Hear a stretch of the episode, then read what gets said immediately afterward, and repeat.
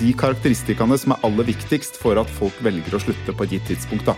Sånn at de, du, du, klarer både å, å beregne at det er sannsynlig at noen slutter, men også sånn cirka når. Velkommen til en ny episode av I loopen. Podkasten som gir deg inspirasjon og læring for å holde deg i loopen på jobb. Mitt navn er Julie McCarthy, og jeg skal lede deg gjennom dagens episode. I dag så tenkte jeg å skulle starte episoden med å stille dere lyttere et spørsmål. Hva mener du er den viktigste ressursen i et selskap? Og da håper jeg at det er noen av dere der ute som svarte folkene. Og hvis ikke du gjorde det, så kan tenke seg at du gjør det etter dagens episode. For i dag skal vi nemlig prate om People Analytics. Dette er kanskje et begrep som du ikke hører til vanlig, men det er stor sannsynlighet for at hvis du jobber i en organisasjon, så er det noen som sitter og bruker data til å skulle sørge for at du og dine kollegaer har det best mulig på jobb. Og våre gjester her i studio i dag er eksperter på dette temaet. Vår eksterne gjest har faktisk vært med på å utvikle et nytt verktøy som bruker maskinlæring for å skulle predikere om du kommer til å slutte i jobben din. Nesten litt før du vet det selv. Så eh, da tenker jeg at det er en fin overgang til å skulle introdusere gjestene våre i studio her i dag. Og vi er så heldige å ha med oss Jarle Hildrum, seniorforsker og leder av People Analytics i Telenor. Velkommen, Jarle. Tusen takk. Og så har vi med oss vår egne Ilka Verena Olmer, leder av Center of Excellence People Analytics her i Deloitte. Velkommen, Ilka. Takk, Julie. I Loopen så liker vi å starte med at lytterne skal få mulighet til å bli litt bedre kjent med dere personlig. Så da tenkte jeg å stille dere et spørsmål. Og Jarle, vi kan begynne med deg. Hvorfor jobber du med dette? Altså jeg jobber med People Analytics, eller personalanalyse, som det heter på norsk. Ja. Eh, fordi eh, jeg er glad i data, og så er jeg glad i mennesker. Og for meg så er det veldig motiverende å kunne få muligheten til å skaffe innsikt om hva som gjør at folk trives, og hva som gjør at de presterer godt på jobb. Og så formidle den innsikten til lederne våre, så at de kan gjøre bedre beslutninger om våre ansatte. Så det er kjempemotiverende. Og så er det også veldig spennende at eh, People Analytics som felt har utviklet seg veldig de siste årene. sånn at Vi har mye mer data om ansatte enn vi hadde før. Akkurat som alle andre områder i samfunnet så etterlater vi oss spor som omgjøres til data. Og så har vi også bedre verktøy. Vi bruker open source-verktøy, vi bruker cloud-verktøy. Det er mye mer kraftfulle analyser nå enn det vi hadde tidligere. Så det er sånn kjempespennende område å jobbe på. Du får meg til å ha lyst til å jobbe der, du. Så det. Ja, ja. Og, og, du da, Ilka? Hvorfor, eh, hvorfor, jobber du med dette? Ja, litt som Jarle syns jeg også det er kjempegøy å jobbe med data og mm. lage analyser og komme med ny innsikt. Og spesielt gøy er det jo hvis man finner noe nytt, eller eventuelt noe som er uh, helt uh, uforventet. Ja. Um, men i tillegg ønsker jeg også å hjelpe organisasjoner til å bli mer innsiktsdrevet, mm. og, og spesielt da HR. Um, Um, fordi jeg tror det ligger et stort potensial i People Analytics som er ikke utnyttet i dag fra HR. Og ved å bli mer innsiktsdrevet kan HR ta bedre beslutninger for sine ansatte i kortere tid, med mindre kostnader, og samtidig også styrke sin rolle som en uh, strategisk rådgiver i organisasjoner. Ja. Ja, så Det er resultatet av å bli insektdrevet organisasjon. Men jeg, jeg hører dette begrepet stadig på hus. Jeg hørte det senest i går. Det var noen kollegaer ved siden av meg som sa ja, men nå begynner dette å bli en innsiktsdrevet organisasjon. Men hva, hva betyr egentlig det?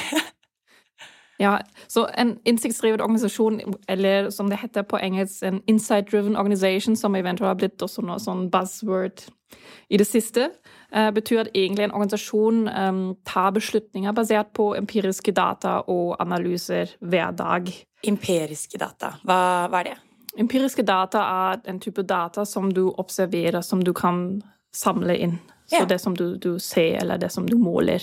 Ok, Fra eksperiment, eller fra ja, typisk er det litt sånn fra eksperimenter, undersøkelser ja. men, Så det er organisasjoner som kan samle de inn selv, internt i organisasjoner, men mm. også ved bruk av eksterne kilder. Ja. Så det er ganske mye data som ligger ut um, i, i um, det store um, World Wide Web, som er også fri tilgjengelig for mange til å bruke ja. for sine analyser. Hmm. Altså, Jarle, da. Du snakker om eh, people analytics. Du er glad, jeg er også veldig glad i mennesker, jeg er glad i analyser, og jeg kan kjenne meg at jeg syns dette er et veldig spennende tema. Men hvorfor, det, hvorfor skal den daglige mannen i gata bry seg om, om people analytics? Ja, jeg mener jo det at eh, hvis du har en jobb, ja. eller hvis du har lyst til å få deg en jobb, så bør du interessere deg for People Analytics. Ja. Eh, jeg kan gi et eksempel. Eh, det finnes jo eh, veldig gode altså selskaper som er veldig gode på People Analytics i dag, som kan eh, gi deg en plan når du blir nyansatt. Gi deg en plan for hva du burde gjøre for å komme deg, eller få en god start i selskapet. da. Microsoft for eksempel, de jobber veldig mye med noe som heter sosial nettverksanalyse hvor de kartlegger hvordan folk i hele Microsoft samarbeider internt i team, også på tvers av team, på tvers av land.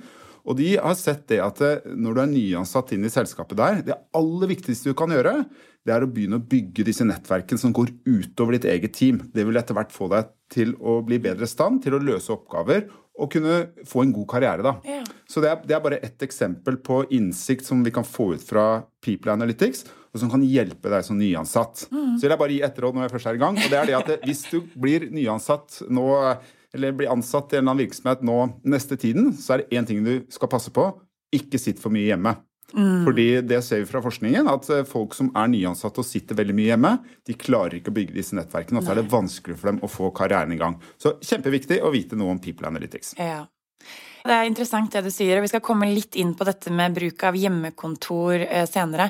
Bare først, hvordan, hvis det går an å svare kjapt, da. Du sier at gjør disse analysene for å finne ut av hvordan man trives og, og hvordan man jobber i team sammen. Hvordan samler man inn den dataen? Er det via intervjuer? Eh, Kanskje det er mange forskjellige måter å hente den dataen på? Mange forskjellige måter. eh, akkurat det jeg nevnte nå, handler om analyse av sosiale nettverk. Altså ja. dine personlige nettverker av kontakter. Mm. De du kjenner, rett og slett. da. Ja. Og det kan vi måle på mange måter. Vi kan f.eks. Eh, ha en survey, en spørreundersøkelse. Mm. Så la oss si du jobber i en avdeling her i Deloitte. Sender jeg undersøkelsen til deg og sier hvilke andre avdelinger er det du jobber mest med? kan du nevne dem og si hvor ofte du samarbeider med de. Og så vet jo jeg allerede, når jeg har samlet inn surveyen, hvor du, hvor du jobber. Og så kan jeg kartlegge dine kontakter i selskapet. Og så Hvis jeg spør alle om det, så har vi plutselig et kart over hvor disse samarbeidsrelasjonene går hen. Og så kan man også finne ut hvordan ulike posisjoner i dette nettverket påvirker muligheten din til å løse problemer og oppgaver. Så man kan gjøre surveys, ja. men hvis man er enda litt, la oss si, litt mer vågal, så kan vi bruke spor fra eh, kommunikasjonsverktøy. La oss si du bruker Microsoft Teams. Mm. Hver gang du har et møte med noen, eller en samtale, så registreres det jo at du hadde akkurat et møte med den personen. Ja. Så hvis man samler alle de dataene, så kan man jo bygge opp et sånt kjempestor oversikt over hvem som samarbeider, og hvordan. Men her må vi passe på personvernet. Ikke sant, var det jeg skulle til å snakke om også. Litt sånn personvern. Men personvern på jobb, da har man jeg vet ikke om du har noen eh, kommentar til det, Ilka, men liksom personvern på jobb og den dataen når man er på jobb, kan man bruke den fritt, eller er det um, man, altså man kan ikke bruke alt fritt. Uh, det fins noen grenser. Men um, det var vi observerer at organisasjoner ligger lang, ganske langt unna den grensa enda. Så ja. det er mye mer som de kan gjøre med sine data som ligger innafor Eh, GDPR-reglene, så de eh, utnytter ikke det spillerommet som fins akkurat nå i dag. Eh, men det er selvfølgelig veldig viktig å ha en øye på og ha eventuelt noen gode rådgiver rundt seg, spesielt de som er veldig gode på GDPR, for å sikre at man ikke går over en grense der. For lytteren sin del, hva er GDPR? General Data Protection Regulative. Og det er et regelsett som er utviklet innenfor EU, mm. som skal regulere bruk av data eh, i hele samfunnet. Ja. Hvordan vi behandler persondata, altså data om eh, mennesker. Så det okay. er et regelsett som er forholdsvis strengt, og de virksomhetene som da overtrer dette regelsettet, kan få store bøter. Ja. Så det er viktig for alle bedrifter å, å være klar over dette regelsettet. Ja, ok. Mm -hmm. Du nevnte, Ilka, at uh, det virker som at kanskje HR henger litt bak i denne transformasjonen, da, eh, sammenlignet med andre som finans, f.eks. For, for data brukes regelmessig.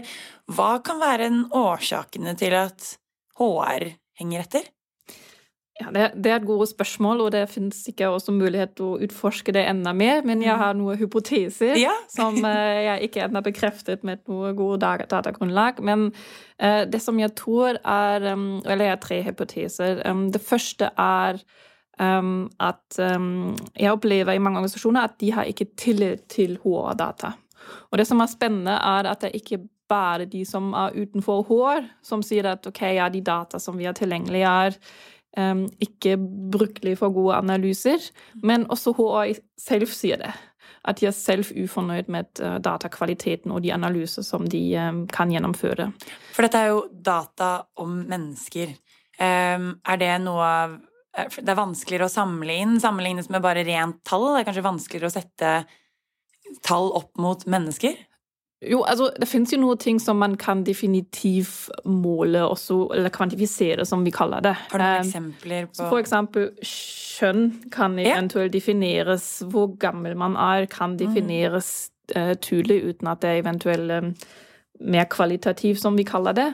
Um, hvilken jobbtittel man har, uh, er også ofte tydelig definert i organisasjoner. Så jeg tenker um, Utfordringen der er at den type data som er tilgjengelig i disse HR-systemer, um, er um, Kvaliteten er ikke så godt. Og, det ligger, og det, årsaken er litt at den ansvar for kvaliteten ligger litt mellom tre aktører, som er ledere, som legger inn data i disse systemer, mm. ansatte og HR.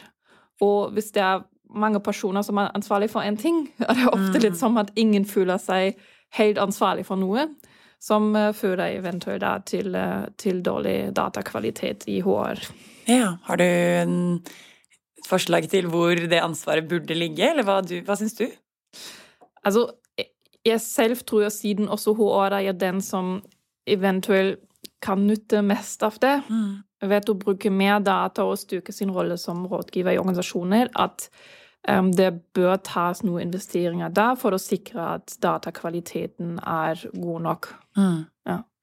Så, du, så, det var tre hypoteser. Det var en litt, uh, liten tilgang til dataen, ja. og så dårlig kvalitet på dataen, og så Og det siste, jeg tror det er historisk sett som nettopp det som du sa, at um, det fins um, um, ikke noen store forventninger enda i organisasjonen mm. at hun òg bruker data når de um, kommer med sine argumenter eller tar sine beslutninger.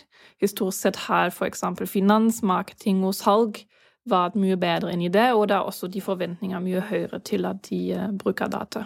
Ja, og Jo større forventninger det er til noe, jo større, fortere går det jo. Så da får vi prøve å legge litt uh, høyere forventninger til det her, da. Ja. Hadde du en uh, kommentar, Jarle? Ja, jeg har en kommentar, og det er at jeg tror eh, dette med forventninger er veldig viktig, fordi jeg har jobbet både med HR-data, finansdata, markedsdata, salgsdata i Telenor. Og jeg ser jo at mange av de svakhetene som vi finner i HR-dataene, f.eks. at det mangler data, eller at mm. dataene er feil, feil feilregistrert, det kan vi også finne innenfor finans og marked. Eh, men det er sånn at eh, markedsdirektøren og finansdirektøren vil likevel bringe med seg disse dataene inn i beslutningsmøter i toppledelse f.eks. Bruke de som underlag for å gi strategiske råd. HR-direktøren har ikke tradisjonelt hatt den rollen eh, inn i disse gruppene, og har ikke tradisjonelt tatt med seg data på samme måte til å legge under beslutningene. Så jeg tror at det, det handler om tradisjoner, det handler om kultur og, og rett og slett det å begynne å venne seg til å jobbe på denne måten for HR. Mm. Og skulle ta med data på en måte selv om den ikke er helt Kanskje ikke helt øh, kvali... Ja. ja, nå, nå, er jeg ute og sykler her, skjønner jeg. Men det, det, som viktig, det, som er viktig, er at hvis du har data som har mangler, mm. så er det viktig å være transparent på hva de manglene ja, er. Nettopp. Og si det tydelig, er det ingen problem å presentere data som ikke er perfekt. Ja, Og det gjør de vel i finanssektoren? Det gjør vi selvfølgelig hos oss. Ja. Uh, ja, uh, spennende. Men uh, fordi noen Oftest går det jo tregt, noen ting også. Denne med hårtransformasjonen kanskje går tregt fordi det er noen bumps in the road, at det er noen utfordringer som, som man møter på. Hva kan være utfordringene her med å bruke data i HR-sammenheng? Er det noen risikoer, eksempel? Har du noen eksempler på dette? Det er mange eksempler. Vi har vært inne på dette med personvern. Mm. At eh, det er viktig å passe på, og det kan ofte ta ganske lang tid å sikre personvernet. Det må man alltid gjøre.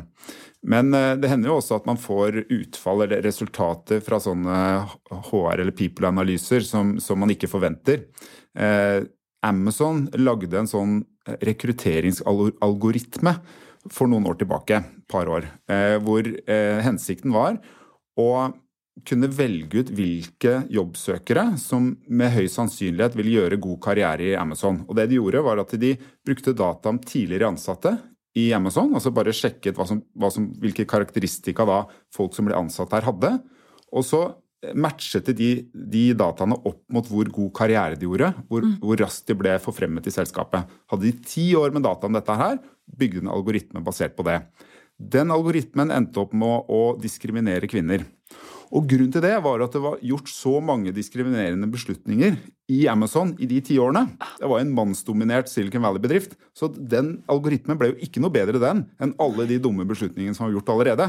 Så den reproduserte jo dårlige beslutninger. Ja. Og det er jo en sånn type sånn bump in the road da, som du kan møte hvis eh, man ikke på en måte Ja, la oss si man er ute og utforsker ikke kjenner dette feltet så godt, da.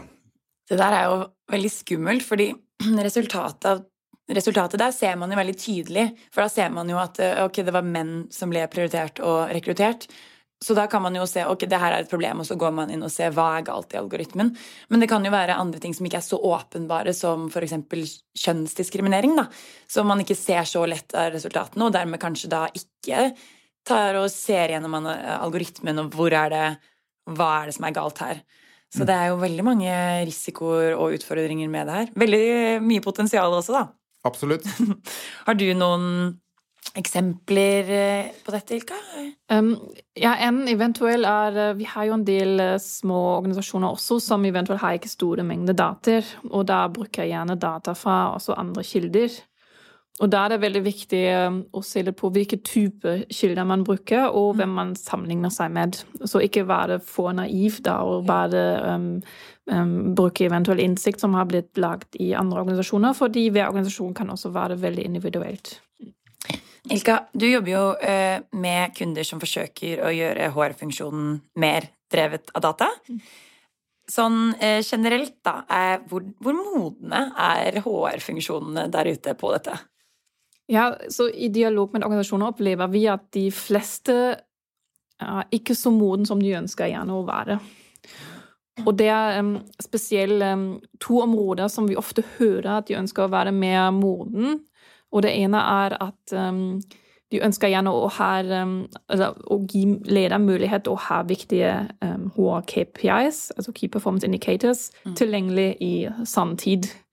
Men i de fleste organisasjoner er det slik at de først må ta kontakt med HR. HR må samle inn de typer data, må eventuelt rense de typer data, og etter det lage en rapport som uh, er ganske tidskrevende og eventuelt ikke lenger i, uh, i sanntid og fører til, til, mye arbeid.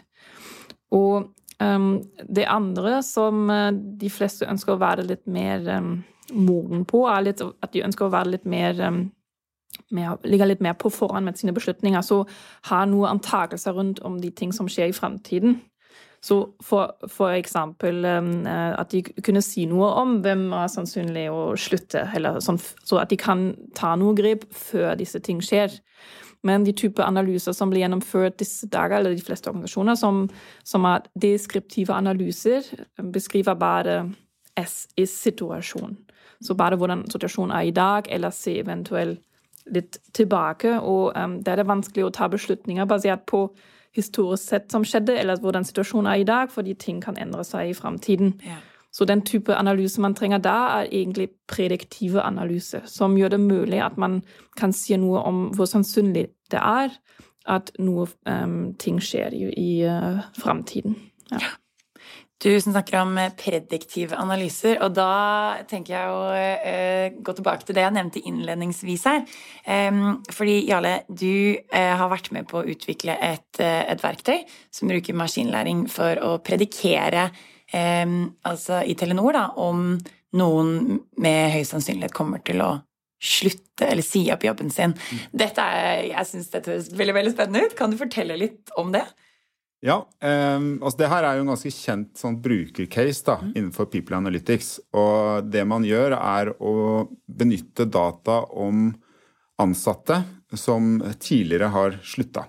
Eh, og så sammenligner man de dataene om de menneskene med, de, eh, med data om mennesker som velger å bli i selskapet selskap isteden. Og da snakker vi om ganske store datamengder. Eh, vi snakker om alt på en måte deres bakgrunn utdanningsmessig, hvis man har det. Eh, vi snakker om eh, hvor lenge de har jobbet i selskapet. Vi snakker om de, hva slags roller de har. Vi snakker om hva slags type opplæring de har. Mm. Om de eier aksjer i selskapet og har investert i det. En rekke sånne datapunkter om, om de ansatte som, som, vi vet har noen betydning for sannsynligheten for at de slutter da. Og så samler man de dataene over et ganske langt tidsrom. Og så bruker man da de til å trene opp en algoritme som er i stand til å skille ut eh, måte, eh, de, de, karakteristikkene som er aller viktigst for at folk velger å slutte på et gitt tidspunkt. Ja. Sånn at de, du, du, klarer både måte, å, å, beregne at det er sannsynlig at noen slutter, men også sånn cirka når. Eh, og når man har trent opp en sånn, sånn, algoritme som det, så kan man jo da på, på, et sett på data om noen ansatte, så kan man da anvende den på nye, nye ansatte. Mm. Fordi de ansatte vil jo ha lignende karakteristika som også de menneskene man har trent denne modellen på. Da. Så vi gjorde det i Telenor. Eh, og vi holdt oss innenfor da personvernsgrensene, mm -hmm. som betyr at vi ikke kan bruke alle mulige data. Dermed så fikk vår modell ca. 60 eh, eh, treffsikkerhet. Og det datasettet vi trente på, hadde omtrent hadde 7 eh, oppsigelser i perioden vi, vi, vi, trente på. Da. Så hvis du hadde gjettet tilfeldig, så ville du treffe 7% av gangene. Den modellen traff 60% så den er mye bedre enn det du klarer å gjette på. Ja. Så, sånn sett var den ganske nyttig. Eh, men da vi tok den med og begynte å diskutere den med våre ledere og fagforeninger, så fant vi ut at vi ikke kunne bruke den. Og grunnen til det er at eh, det er jo ikke mulig for en altså Hvis du er HR-leder da, og du har en, en, modell som sier at Jarle, det er 80% sannsynlig at du kommer til å si opp neste år, så vil jeg sannsynligvis spørre deg hvordan vet du det? Hvordan regnet denne algoritmen det ut? Det vil ikke du være i stand til å svare på, for det her er en ganske kompleks modell. Så dermed så er det ingen transparens der. Det er nummer én. Og nummer to, eh, hvis du har dårlige hensikter som leder, da, og du vet at det er sannsynlig at jeg kommer til å slutte, ifølge modellen, så kanskje du velger å ikke invitere meg på møter, ikke gi meg opplæring og marginalisere meg, eller kanskje putte meg på en liste over en oppsigelser. Sånn at det, eh, er mulig å bruke disse modellene på uetiske måter, og de er ikke transparente. Dermed så brukte de ikke. Mm. Ja, nei, for Det var jo mitt neste spørsmål. Hvordan bruker dere denne informasjonen? Eh, men dermed så ser jeg nå at man kanskje ikke kan helt bruke, bruke den. Eller man kan jo bruke den. fordi det som er kjempeviktig med å gjøre sånne undersøkelser, det er jo det at vi, når vi trener opp sånne modeller på egne data, så lærer vi om modellene. Og så har vi et sett med leverandører som leverer da sånne programvarer og, og på en måte tjenester til oss, og prøver å selge da eh, sånne algoritmer til oss. Ja. Når våre HR-avdelinger og fagforeninger vet hvordan sånne modeller virker, så blir vi mye bedre innkjøper enn vi ellers ville vært. Ja, Altså, det er bruk for den likevel. Ja, ja. um, men hvis vi fortsetter litt på Telenor. Dere jobber jo med, med, mange på tvers av landegrenser. Og mennesker er jo veldig forskjellige fra sted til sted, avhengig av hvor eh, lokasjon og kulturer, språk.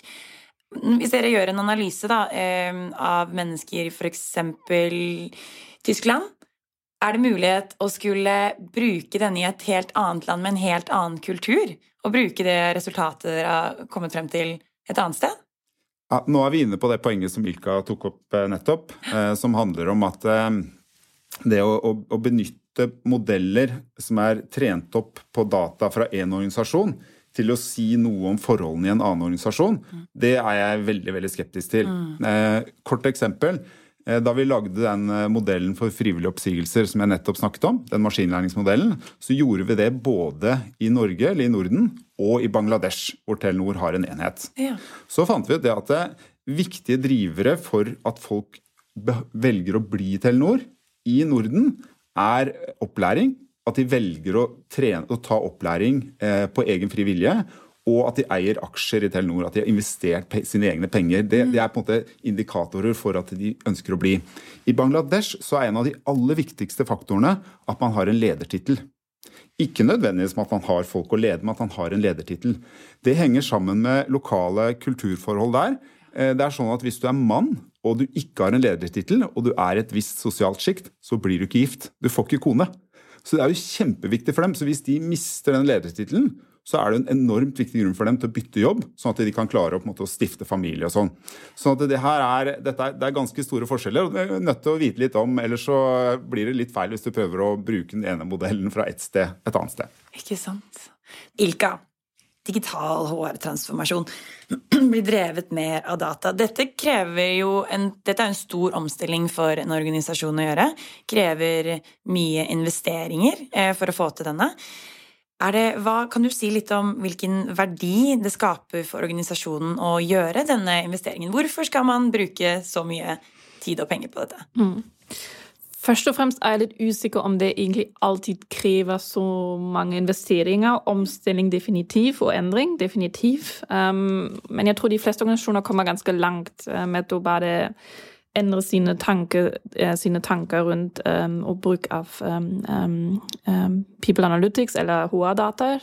Og også endre sine prosesser og rutiner. Så jeg tror det er allerede mye som kan hentes inn der. Mm. Men uh, det som man generelt kan si, og hvor forskning er også veldig tydelig på, er at hvis organisasjoner er innsiktsdrevet eller eh, tar databaserte beslutninger, er de mer suksessfulle enn andre organisasjoner som ikke gjør det. Og da har vi f.eks. også vi eh, gjennomført en undersøkelse i Deloitte med sånn knapt 200 personer eller organisasjoner i, um, i England, um, i Belgia, Nederland, eh, Sverige og Norge, hvor vi har undersøkt i hvilken grad de um, tar databaserte beslutninger, og hvordan det henger sammen med deres uh, resultat. Og da har vi sett at de som um, jobber datadrevet, er to ganger mer sannsynlig å oppnå, og ikke minst også gå over sine uh, um, resultater, eller de mål som de har sett seg hver år, enn organisasjoner som ikke er datadrivet. Ja, To ganger så mye. Det er ja. jo Sannsynlighet, ja. ja. Da bør jo de fleste organisasjoner forsøke å bli litt mer innsiktsdrevet, da. Har du noen, har du noen tips til hvordan man kan gjøre det i en HR- sammenheng? Hvordan en mhm. bedrift kan bli mer innsiktsdrevet? Jeg tror jo sånne endringsprosesser starter fra toppen og trenger der um, eh, noen sånne sponsors eller støtte fra toppen. Så jeg tenker viktig er at HR-leder holder sin avdeling mer ansvarlig for å bruke data. Og nettopp um, um, skape de forventninger rundt at um, data skal mer brukes til å bygge under sine argumenter og ta beslutninger. Mm. Og så tenker jeg at um, det er viktig at den riktige type kompetanse selvfølgelig finnes i organisasjonen. Og selvfølgelig eventuelt trenger man noe spisskompetanse hvis man ønsker å gjennomføre noe avanserte AI-modeller. Eh, det er ikke det som eventuelt en person på gata kan, eh, kan jobbe og håndtere. Men um, jeg tenker det bør være krav uh, i framtiden at alle som ansettes i HR, har også en viss analytisk kompetanse som en grunnleggende ferdighet. At man ikke lenger sier at jo, de som jobber og liker det kvalitative, de samler vi opp i HR. Jeg tror det er ikke lenger det som, som bør gjelde i framtiden. Mm. Um, og um, hva også viktig er at man um, gjør seg bevisst hvilken verdi det kan skape for organisasjoner at HR er mer datadrevet og jobber mer datadrevet. Så det tenker jeg er også en, en, en, viktig element. Og i det siste er det selvfølgelig også teknologi, rutiner og prosesser som bør være på plass. Ja. Så forankre litt fra topp. Sørge for at man har riktig kompetanse. Og være bevisst på hvilken verdi dette har for uh, organisasjonen. Da kan vi jo bare sende denne podkastepisoden her til de, så finner de ut av det. Um, og teknologi. Um, Jarle. Jeg skal ikke gå for mye inn på det, fordi det er mange artikler der ute om det, og det har vært prat om det veldig mye, men man kommer liksom ikke helt utenom dette med hjemmekontor. Um, og dette har du jobbet veldig mye med i Telenor. Um, kan du si litt om de tydelige funnene du har sett på dette med effekten av hjemmekontor? Ja, vi hadde jo alle nesten. I hvert fall ikke alle, for det er veldig mange som ikke har hjemmekontor. Det er viktig å vite Ja. at eh, det er vel en Kontor. eh, kontorjobbere Kontorjobb, sånn, som, ja. sånn som oss da, som har den muligheten. Men eh, for de som har den muligheten i Telenor, eh, så så vi da nesten alle ble sendt hjem eh, 12. mars 2020. Mm. Så så vi det at produktiviteten, altså det de folkene var i stand til å produsere av eh, arbeid på en vanlig, vanlig dag, eh, var uendret. Det målte vi da objektivt, eh, der vi kunne måle det objektivt. I kundeservice, innenfor feilretting på telekom-nettverk, så så vi at det var null endring. Så det betydde at de kunne faktisk gjøre jobben sin hjemmefra. Det var jo en enorm myte som ble knust for oss den gangen, fordi det alle var redde for da folk ble sendt hjem, lederne rundt meg, det var jobber folk i det hele tatt? Hva skjer nå? Dette er shaky. Det gikk veldig bra. Det er én ting vi lærte. Eh, En annen ting vi har lært, er at eh, når folk jobber mye på hjemmekontor, så får de eh, mer oppmerksomhet inn mot sitt eget team. Så de får på en måte et bedre forhold til, medarbeiderne som er nærmest dem selv. Altså I teamet så er det solidaritet, det er masse tette kontakter, og liksom, teamfølelsen ble gjerne bedre. Men kontakten ut mot andre team i virksomheten ble svakere. Så du kan si at de sosiale nettverkene til folk de krympa. Og det har vi sett også eh, i Microsoft publisert i Nature på dette her, hvor de viser at folks personlige nettverk krymper når eh, man jobber mye på hjemmekontor. Så det er en, en, et annet aspekt ved det. Eh, og så er det en rekke andre Ja. ting òg, men kanskje, vi, eh, kanskje dere har noen erfaringer i Deloitte? Dere har vel også jobba på hjemmekontor? Jeg tror vi har opplevd det samme.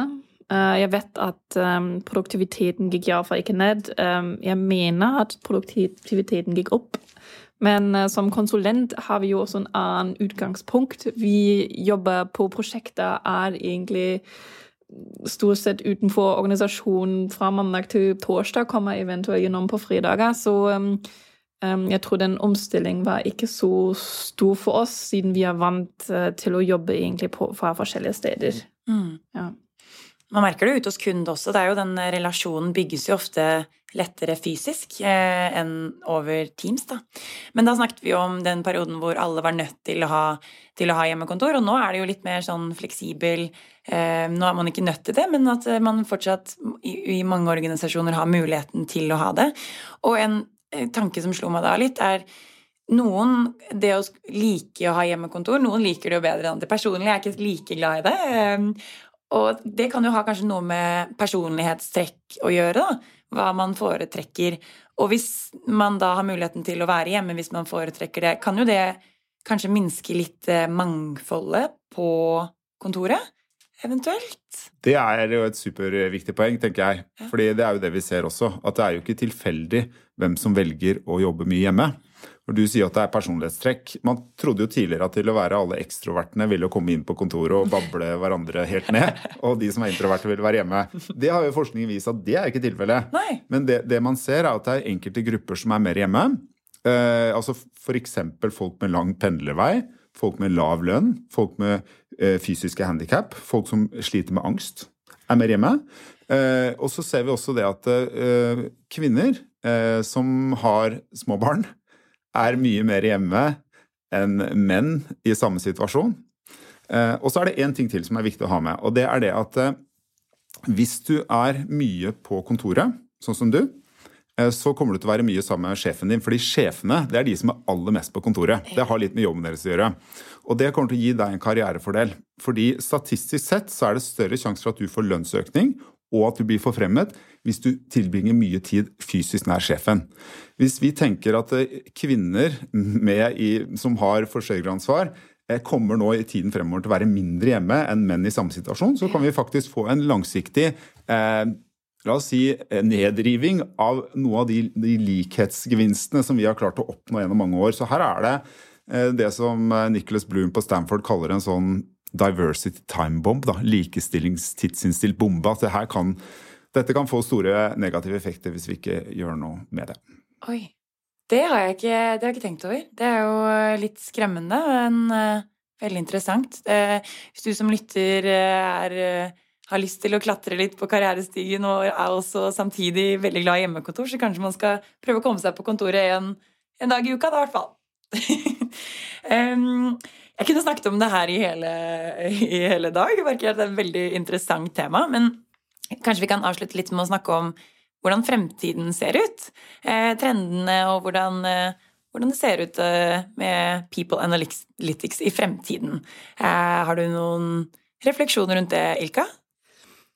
Ja, um, så det som jeg ser, er jo at uh, organisasjonen er interessert i å utvikle seg videre inn i den retning, og at uh, det kommer mer og mer snakk om uh, people analytics. Um, og um, jeg håper jo at organisasjoner òg begynner å ta det mer seriøst, at de øker sine forventninger til HR til å bruke data og mm. at de kompetanser begynnes å uh, bygges opp i organisasjoner.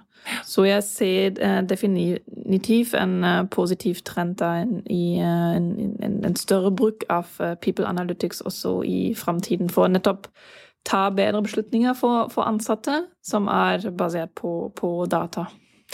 Vi snakket om det at um, transformasjon ofte skjer uh, kanskje litt fortere hvis det er høye forvent større forventninger til det, da.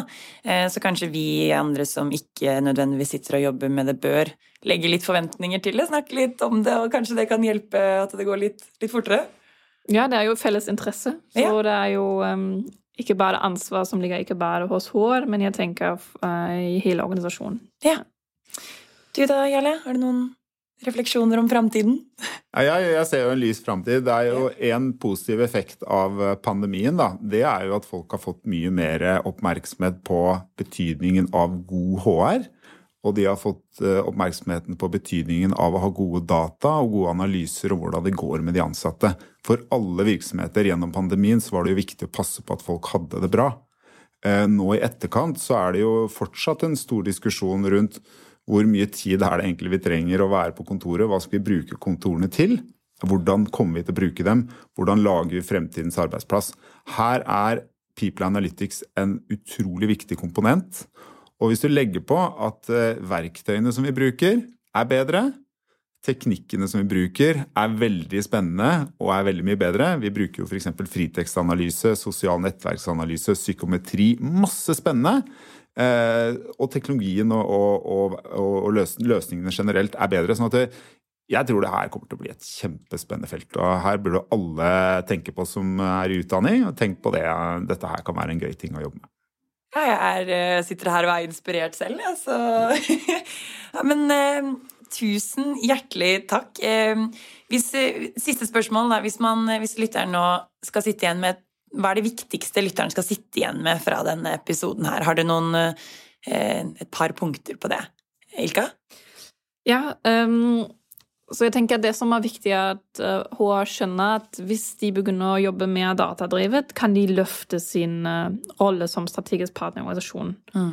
Så det er en viktig innsikt. Og uh, nummer to at det ikke nødvendigvis eventuelt krever store investeringer i um, stor teknologi og Uh, eventuelt også um, um, innstilling av kompetanser som, um, som som jobber med et veldig avanserte analyser. Men at man kommer ganske langt med å bare endre prosesser, rutiner og tanker man har rundt dette. Og spesielt viktig er det selvfølgelig at HR holder seg selv ansvarlig for å bruke mer data og datakvaliteten som finnes i organisasjonen. Mm. Godt å høre at det ikke jeg, For meg så tenkte jeg at det er en veldig stor investering, så det er veldig godt å få vite at det, det ikke nødvendigvis trenger å være det. Ehm, du da, Jarle? Jeg er veldig enig med Milka. Jeg syns hun oppsummerte det kjempegodt. Eh, ja, jeg tenker at eh, Det som er viktig å ha med seg her, det er det at People Analytics er et superspennende og nyttig felt mm. som det er viktig å kunne noe om. Eh, og for alle de bedriftene som ønsker å bruke det, så er det viktig å adressere reelle problemer rett og slett som fins, ikke bare innenfor HR, men ut i organisasjonen. Hvordan er det vi kan, Hvilke, hvilke ting er det som, som, vi har i organisasjonen som gjør, gjør det vanskelig å jobbe, være på jobb? Eh, hva er det som hindrer oss fra å prestere godt? Eh, hvordan kan vi bruke data til å løse noen av de problemene? Det er noe av det som jeg tenker at de som sitter igjen eh, og har hørt på dette her, skal tenke at hm, nå har jeg lyst til å gå og sjekke ut dette her sjøl. Ja, men med det da så takker jeg dere veldig for at dere kom hit i dag og delte nyttig, nyttig og interessant kunnskap. Jeg sitter igjen og har lært eh, masse, og håper at lytterne også har det. Så tusen takk for at dere kom i dag, Jarle og Ilka. Tusen takk for at jeg fikk komme. Takk. Og da, eh, hvis du likte denne episoden, kjære lytter, så gjerne si, si, det til oss, eh, enten via Instagram eller Facebook. Eh, og hvis du har noen ideer til nye temaer eh, til, episoden, så, til nye episoder, så vennligst si fra om det. Da sier jeg bare som vi pleier. Vi høres!